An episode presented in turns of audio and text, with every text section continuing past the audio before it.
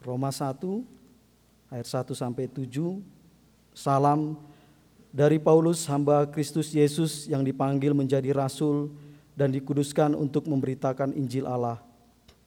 Injil itu telah dijanjikannya sebelumnya dengan perantaran nabi-nabinya dalam kitab-kitab suci tentang anaknya yang menurut daging diperanakan dari keturunan Daud.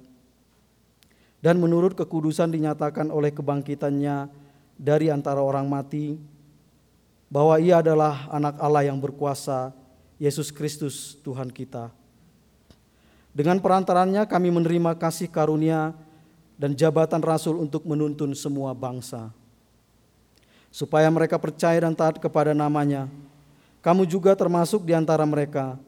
Kamu yang telah terpanggil menjadi milik Kristus. Kepada kamu sekalian yang tinggal di Roma, yang dikasihi Allah, yang dipanggil dan dijadikan orang-orang kudus kasih karunia menyertai kamu, dan damai sejahtera dari Allah Bapa kita dan dari Tuhan Yesus Kristus. Sampai di sini pembacaan Alkitab dan demikianlah firman Tuhan. Berbahagialah segala orang yang mendengar firman Allah serta memelihara dan melakukannya di setiap saat dengan sukacita. Jemaat yang Tuhan Yesus kasihi, Shalom. Shalom. Sampaikan yang ada di kiri kanan. Kok bahagia kah?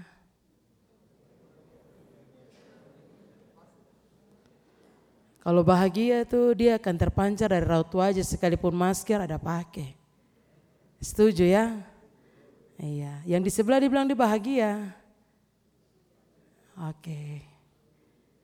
Baik, terima kasih kalau hari ini kita semua bahagia. Bahagia itu datang dari setiap pribadi, karena kebahagiaan itu akan terus kita bawa dalam hidup, dalam setiap pekerjaan, dalam setiap pergumulan, bahkan apa pun yang kita lakukan dalam perjalanan hidup ini. Persekutuan yang diberkati, firman Tuhan dalam Roma pasal 1 ayat 1 hingga ayatnya yang ketujuh, tema perenungan firman Yesus Kristus anak Allah yang berkuasa. Dan dalam bagian firman Tuhan saat ini dalam surat Paulus yang pertama, dari 13 surat, ini yang pertama dia tulis kepada jemaat di Roma. Semua orang pasti belum ada yang tahu, tapi juga ada yang tahu tentang dia karakter hidup. Dia adalah seorang menyiksa semua orang-orang yang mengikut Tuhan.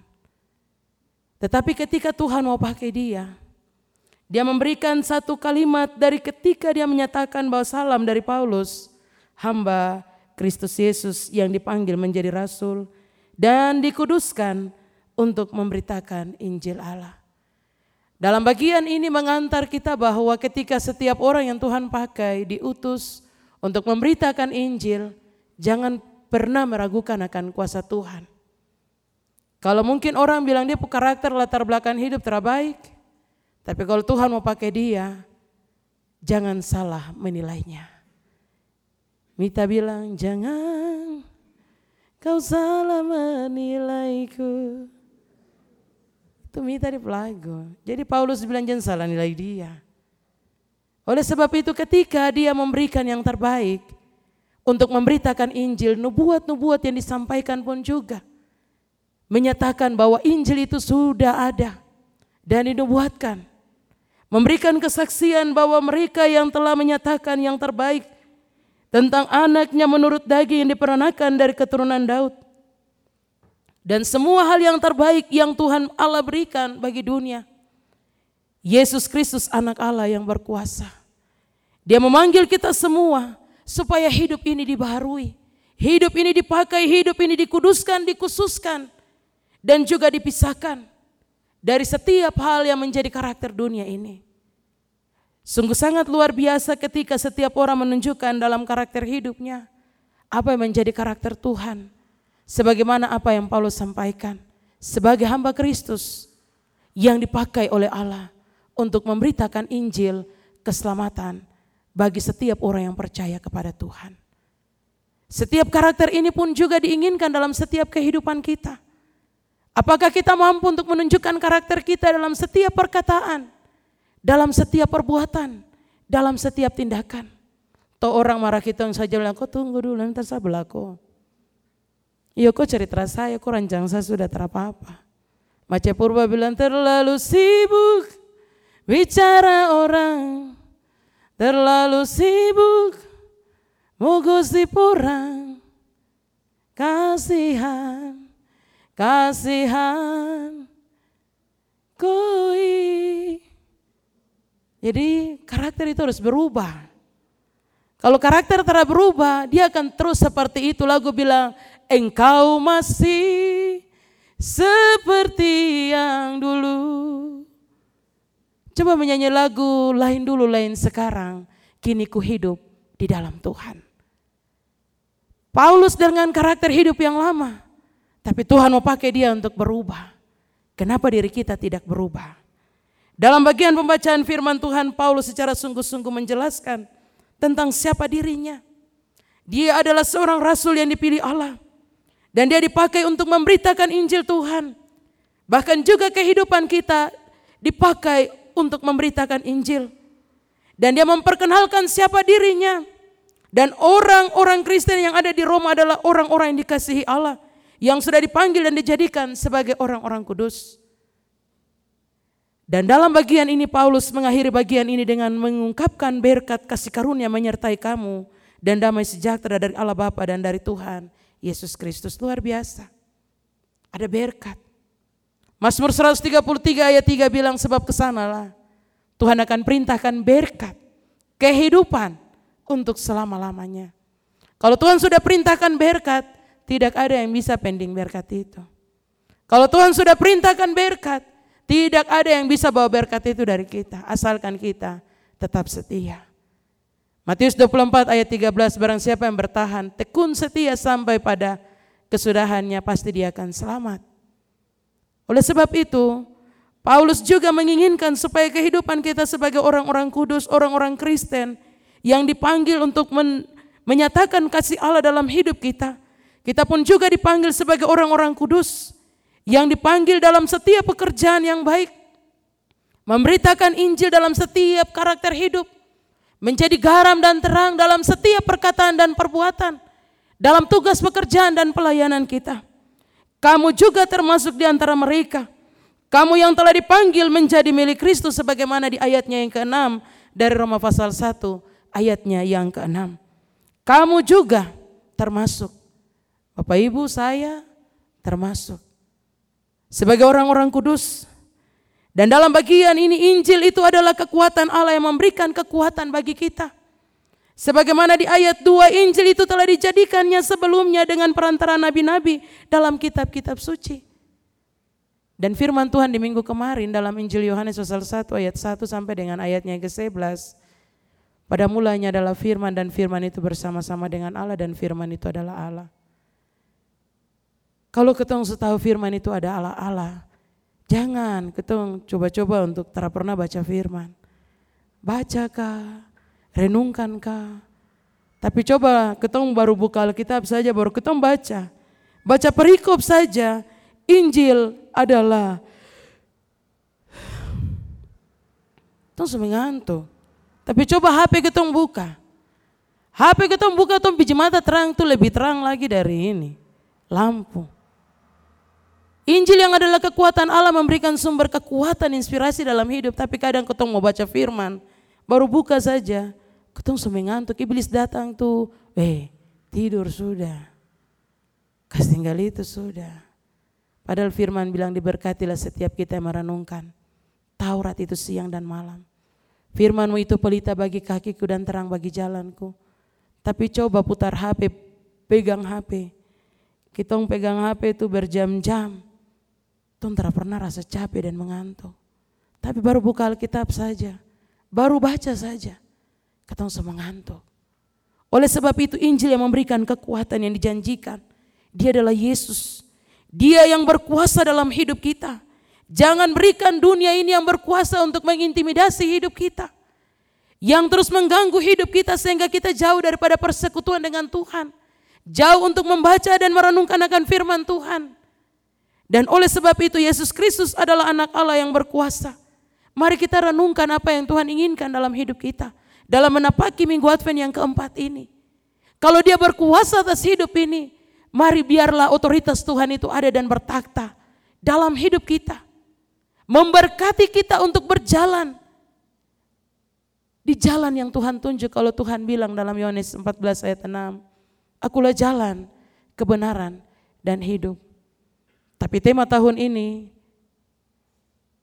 maka pulanglah mereka ke negerinya melalui jalan lain. Jalan lain yang Tuhan tunjukkan itu adalah jalan kebahagiaan, keselamatan yang diberikan. Tapi jalan lain untuk berhasil yang pulang melalui negerinya yang sukala, selamat. Maka pulanglah Kroasia dengan kesedihan dan kemenangan di juara tiga. Tinggal tunggu sebentar malam Prancis kah? Dengan Argentina baku babat lagi. Siapa yang dapat juara satu dan juara dua? Maka pulanglah mereka ke negerinya dengan sukacita dalam perayaan Natal. Dan biarlah hidup kita semua diberkati karena Yesus Kristus anak Allah yang berkuasa dalam hidup ini. Persekutuan jemaat yang Tuhan Yesus kasihi, dalam bagian firman Tuhan Roma pasal 1 ayat 1 sampai dengan ayatnya yang ketujuh. Mengantar kita untuk merenungkan bahwa Injil yang adalah kekuatan Allah Injil yang memberikan kemerdekaan dalam hidup. Paulus memastikan dan menegaskan bahwa setiap orang yang sudah mendengar berita Injil kerajaan Allah, dia tidak serta-merta saja langsung menerimakan keselamatan itu. Tetapi keselamatan itu adalah anugerah, adalah kado yang indah, hadiah gratis yang Tuhan berikan dalam hidup kita. Oleh sebab itu dalam setiap hal yang Tuhan berikan secara cuma-cuma, maka dengan demikian harus dipahami apa yang Tuhan berikan dengan cuma-cuma ini, mari kita kembali koreksi dalam setiap perjalanan hidup. Dari minggu Advent 1 sampai dengan 4 ini, sebuat apa untuk Tuhan?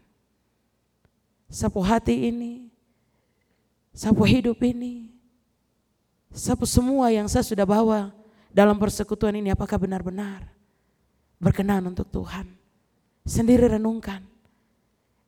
Dan biarlah semua apa yang kita buat untuk Tuhan menjadi kado yang indah dalam seluruh kehidupan kita supaya hidup ini terus dibaharui dan kelahiran Yesus akan mewarnai setiap cerita kita dalam hidup ini. Apakah dia hadir memberikan sukacita dalam hidup kita? Dan kalau memang dia hadir sebagai Allah yang berkuasa, memberikan sukacita dalam kehidupan kita, mari terus kita wartakan Injil itu sampai Tuhan datang kembali. Dia datang yang kedua kali, dia tidak datang lagi sebagai bayi yang lahir tapi dia datang untuk menghakimi dunia. Dia memisahkan setiap orang. Oleh sebab itu barang siapa yang bertahan sampai pada kesudahannya, dia akan selamat. Dengan demikian bagi setiap kita yang terus mengandalkan Tuhan, yang berharap kepada Tuhan, pasti kita akan melihat setiap hal yang Tuhan izinkan bagi kita. Kasih Allah kepada manusia, kasih Allah kepada dunia, kasih Allah bagi sesama, mengantar kita untuk merenungkan bagaimana sikap hidup kita yang mau kita nyatakan dalam memasuki minggu Advent yang keempat dalam setiap langkah hidup kita. Apa yang harus kita nyatakan bagi hormat dan kemuliaan akan nama Tuhan. Hidup yang Tuhan kasih adalah harta yang paling indah. Hidup yang Tuhan kasih adalah kado yang paling indah. Anak-anak kalau dapat center class, center class kasih hadiah, dumpu senang. Kalau hidup Tuhan kasih jadi hadiah dan jadi kado di tahun ini, kita harus senang. Karena ada banyak yang sudah pergi meninggalkan kita. Kalau hidup Tuhan kasih kita tidak memanfaatkan itu dengan baik. Lagu bilang begini, hidup ini adalah kesempatan. Hidup ini untuk melayani Tuhan. Jangan pernah sia-siakan hidup yang Tuhan kasih. Dan oleh sebab itu mari kita lihat dia yang hadir dalam dunia ini sebagai anak Allah yang berkuasa berkuasa di sorga dan di dunia, berkuasa atas hidup kita, memimpin kita pada jalan kebenaran dan hidup, supaya setiap kehidupan kita yang dikuduskan, dikhususkan dan dipisahkan untuk sebuah pekerjaan yaitu untuk memberitakan firman. Mari kita tunjuk nyatakan itu untuk menjadi berkat dalam tugas dan pekerjaan kita. Mengakhiri firman ini saya mengajak kita untuk menyanyi lagu pujian yang mengatakan hidup ini adalah kesempatan. Mari kita bersatu di dalam doa syafaat kita berdoa. Hidup ini adalah kesempatan yang Tuhan beri bagi kami. Ajar kami supaya dengan kesempatan yang Tuhan berikan, kami pun juga bisa jadi berkat dalam setiap perkataan, dalam setiap tindakan, dalam setiap pekerjaan kami. Dan apa pun yang kami lakukan dalam hidup ini, kami percaya bahwa kasih Tuhan, otoritas dari Tuhan akan memimpin kami di sepanjang jalan hidup ini Sebab ke sanalah Tuhan akan perintahkan berkat kehidupan untuk selama-lamanya. Yesus Kristus anak Allah yang berkuasa akan terus memberkati kehidupan seluruh jemaat Tuhan dalam menapaki minggu Advent yang keempat ini. Dan oleh sebab itu ya Tuhan, biarlah firman Tuhan terus dinyatakan dalam sepanjang jalan hidup ini. Supaya kami terus mengerti apa yang menjadi maksud dan rencana Tuhan dalam setiap tugas panggilan pekerjaan pelayanan kami. Dan di saat ini hamba berdoa bagi seluruh majelis yang ada di tengah-tengah jemaat Kalvari Tembagapura. Tuhan memberkati PHMJ, baik ketua PHMJ, wakil ketua, sekretaris, wakil sekretaris bendahara, dengan semua sekretaris urusan-urusan yang ada dalam jemaat ini. Tuhan memberkati dalam seluruh tugas tanggung jawab pelayanan. Biarlah semua yang dikerjakan menjadi pujian hormat dan kemuliaan bagi nama Tuhan. Memberkati pun juga jemaat Tuhan dalam seluruh pergumulan hidup mereka. Dalam seluruh tantangan apa pun yang mereka kerjakan dalam pekerjaan. Biarlah kasih dan berkat Tuhan terus melindungi mereka. Dan saat ini kami berdoa menyerahkan semua jemaat yang dalam keadaan sakit, yang mengalami pergumulan berat dalam hidup, kiranya senantiasa diberikan kekuatan, memberikan kesembuhan, memberikan kelepasan, memberikan jalan keluar seturut maksud dan kehendak Tuhan. Kami juga berdoa bagi jemaat Tuhan yang berduka cita, secara khusus untuk keluarga penatuan di Waromi, yang berduka cita atas meninggalnya orang tua almarhum Bapak Robert Waromi Esos di Waropen. Kiranya setiap mereka yang berduka diberikan penghiburan. Berharga di mata Tuhan kematian setiap orang yang Tuhan kasihi. Kiranya penghiburan dari Allah senantiasa menyertai kehidupan keluarga. Bukan hari baik saja di mana kami harus bersyukur. Tetapi ketika kami ditimpa dengan hari malang, kami pun juga bersyukur karena itulah yang Tuhan kehendaki. Kami menyerahkan seluruh jemaat Tuhan yang sementara memasuki masa liburan Natal dan Tahun Baru yang boleh ada di areal Tembagapura, tapi juga yang sudah menjalankan cuti di luar dari kota Tembagapura, kota Timika, bahkan di luar dari tanah Papua. Tuhan memberkati mereka selalu, sertai mereka selalu sampai ketika masa cuti mereka selesai. Antar mereka kembali pulang dengan selamat. Berjumpa dalam persekutuan ini untuk memuji serta memuliakan akan nama Tuhan. Dan kami berdoa dan menyerahkan semua yang menjadi pergumulan dalam tugas dan pekerjaan kami di tengah-tengah perusahaan PT Freeport Indonesia. Kami berdoa untuk seluruh perusahaan mitra, karyawan-karyawati seluruh jajaran manajemen, dan semua yang boleh ada dalam kehidupan keluarga Tuhan memberkati dengan semua hal yang dikerjakan. Dan biarlah kasih dan pertolongan Tuhan senantiasa menolong dan memberkati mereka. Dalam setiap tugas dan tanggung jawab, pekerjaan pelayanan. Kami berdoa di saat ini untuk TNI Polri, seluruh aparat keamanan. Kiranya Tuhan memberkati dan menghadirkan keamanan di areal perusahaan, serta seluruh tanah Papua. Biarlah damai Kristus menyertai dan membentengi tanah Papua. Kami juga berdoa untuk TPN OPM, di mana dalam beberapa minggu kemarin kasus penembakan, pembunuhan, biarlah mereka pulang melalui jalan lain. Jalan yang Tuhan tunjuk untuk mereka. Kami berdoa supaya hidup mereka dibaharui. Kami minta di dalam nama Yesus, biarlah hidup mereka dipulihkan hanya oleh kuasa dan pertolongan Tuhan Allah sendiri. Dan kiranya ketika kami memasuki perayaan Natal, kami berdoa biarlah tanah Papua ini tetap aman damai dan membawa sukacita bagi hormat dan kemuliaan bagi nama Tuhan. Kami berdoa untuk seluruh masyarakat yang ada di areal pertambangan. Kiranya Tuhan selalu memberkati, menolong dan menghadirkan damai sejahtera. Sehingga apa yang menjadi pergumulan mereka, sukacita dalam memasuki perayaan Natal, mereka pun juga akan menyatakan sukacita itu untuk memuji dan memuliakan akan nama Tuhan sampai pimpinan Tuhan menyertai dan memberkati mereka masuk di tahun baru, tahun 2023 dengan segala baik. Hamba berdoa untuk semua yang terlibat dalam pelayanan, baik majelis jemaat, baik semua tim gereja, tim multimedia, tim musik gereja, tim radio suara kasih. Tuhan memberkati. Dan kami juga menyerahkan semua dalam setiap tugas dan tanggung jawab di setiap masing-masing rayon dari rayon 1 sampai dengan rayon 4. Tuhan memberkati berilah setiap sukacita dalam kebahagiaan dan biarlah kebahagiaan itu menjadi nyata dalam setiap tugas panggilan pelayanan kami. Terima kasih Tuhan Yesus. Kami berdoa di saat ini. Jikalau ada yang merencanakan kejahatan, kami sepakat di dalam nama Yesus kami minta Tuhan beracara. Tanah Papua dari semua hal yang kami gumuli. Tuhan benteng tanah Papua dari timur, barat, utara, dan selatan.